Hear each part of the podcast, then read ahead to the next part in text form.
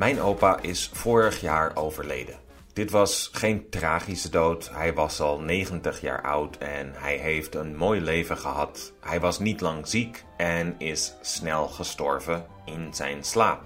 Waarom vertel ik dit? Eh, omdat ik door zijn dood weer terug moest naar Schorl. Schorl is een dorp in Noord-Holland en het heeft nog geen 5000 inwoners en bestaat al heel lang, zeker sinds het jaar 1000, toen het nog Scoronlo heette. De naam werd via Scorla en Scorle in de 17e eeuw uiteindelijk Schorl met een E en de E is later verdwenen. Hoe kwamen, we, uh, hoe, hoe kwamen de mensen op deze naam? Scoron van Scoronno kwam van het Germaanse woord skaurna, dat betekent zandoever of oever, kust. En het Engelse woord uh, shore komt van ditzelfde woord. Het woord lo is oud-Nederlands voor bos. Denk aan Paleis Hetlo. Maar van de 17e eeuw springen we verder in de tijd naar 1905. Pablo Picasso woonde en werkte op dat moment als kunstenaar in Parijs. Hij was geboren in Spanje en was op dat moment in 1905 24 jaar oud. Hij was zeker geen beginneling meer, want Picasso's vader schilderde ook en begon Pablo te trainen toen hij een jaar of zeven was. Picasso maakte later een schilderij dat door de critici in Spanje werd gerekend tot een van de belangrijkste werken in de Spaanse historie van de schilderkunst, een portret van zijn tante Peppa. Dit maakte Pablo toen hij 14 jaar oud was. Toen werd hij ook al aangenomen aan de kunstacademie. Zijn studiegenoten waren veel ouder dan hij was, maar hij had talent en werkte hard en was al snel beter dan zij allemaal. Picasso is nu een van de meest bekende kunstenaars uit de geschiedenis, maar in 1905 leefde hij nog in Parijs als bohemien. Dat wil zeggen, hij had geen geld. Hij werkte niet, hij schilderde alleen. Hij deelde een appartement met een vriend die ook schilder was. Overdag sliep Picasso in het bed en schilderde zijn vriend, en s'nachts sliep zijn vriend in het bed en schilderde Picasso. Dat schilderen deden ze niet in het appartement, maar in een atelier in de stad. Daar werkten veel verschillende kunstenaars, waaronder ook een aantal Nederlanders. Een van deze Nederlanders uh, was Tom Schilperoort. Hij was naast kunstenaar ook cabaretier, autocoureur en journalist. Hij was in 1904 door de kranten het NRC en de Telegraaf naar Parijs gestuurd om verslag te doen van het kunstenaarsleven daar. Een familielid van Tom overleed in 1905 en Tom kreeg een erfenis van 1000 frank. Daarmee huurde hij een huisje in Schorl om er met zijn vriendin een tijdje op vakantie te gaan. Hij nodigde Picasso uit om met hen mee naar Schorl te gaan voor een korte vakantie. Dan kon hij daar schilderen. Picasso zag het wel zitten. Hij leende 20 frank van een vriend voor het treinkaartje en ging met Tom mee. Picasso was nog nooit in Nederland geweest en het leek hem wel interessant. Dus gingen ze met de trein uit Parijs eerst naar Alkmaar en later naar Schorl. Daar is Picasso een paar weken gebleven. Eerst bij Tom Schilperoort en zijn vriendin en later in een huisje dat hij zelf huurde omdat hij zich daar beter kon concentreren. Hij tekende veel in een lokaal café waar ze een speciale stoel voor hem maakten zonder armleuningen.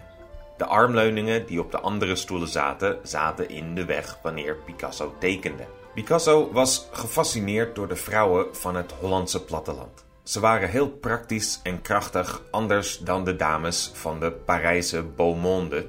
Picasso maakte in Nederland onder andere het schilderij getiteld La Belle Hollandaise, dat later voor 5000 frank verkocht werd. Na een paar weken ging hij terug naar Parijs en zette hij zijn leven als kunstenaar daar voort. Tot zoverre het officiële verhaal en geen mysterie.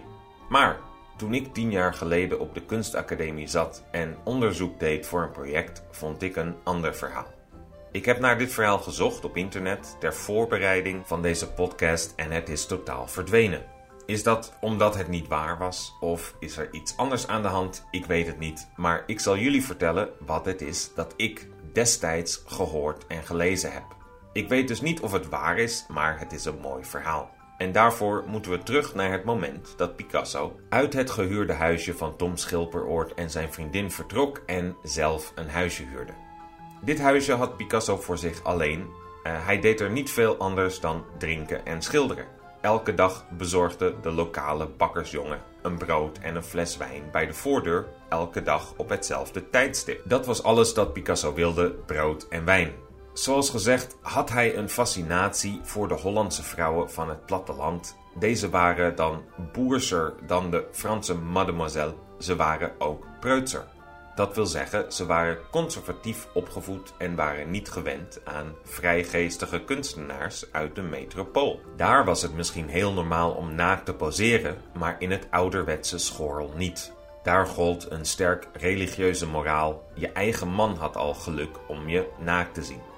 Toch waren er vrouwen die ook Picasso interessant vonden en gecharmeerd waren van de Spanjaard. Een van deze vrouwen was Nelly, het model voor het schilderij La Belle Hollandaise.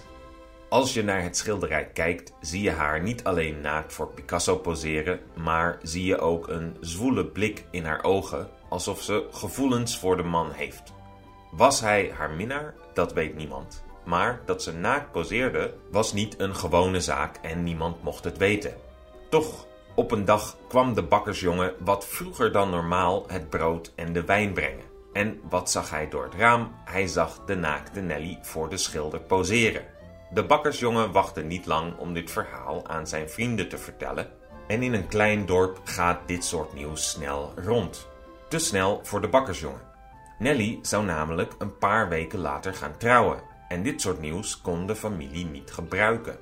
Het was voor de bakkersjongen de laatste dag van zijn leven. Want de volgende dag werd hij dood gevonden, een mes in zijn rug in een sloot buiten het dorp. Niemand is er ooit achter gekomen wie de bakkersjongen vermoord heeft. En er is ook niet met zekerheid te zeggen of dit iets te maken heeft met Picasso en Nelly. Maar Picasso wachtte ook niet lang genoeg om te leren wie het dan wel had gedaan.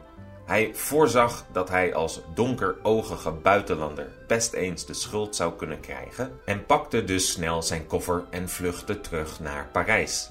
Nelly is een paar weken later inderdaad getrouwd en iedereen die de familie naar dit verhaal vroeg kon een pak slaag krijgen tot heel lang na het incident. De eer van de familie werd op agressieve wijze verdedigd. Misschien wel zo agressief dat er tegenwoordig niets meer over terugvalt te vinden. Misschien verdwijnt deze podcast ook wel van het internet. Of misschien was het allemaal verzonnen toen ik dit een jaar of tien geleden las. En is er niemand vermoord in Schorl in 1905.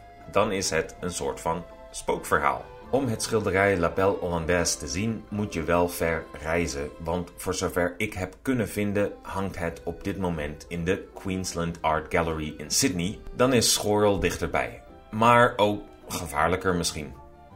Dat was het voor vandaag. Eh, steun de podcast door een review achter te laten. Volg me op Instagram, YouTube en ideeën voor nieuwe podcasts zijn altijd welkom. Dan kun je me via Instagram een berichtje sturen.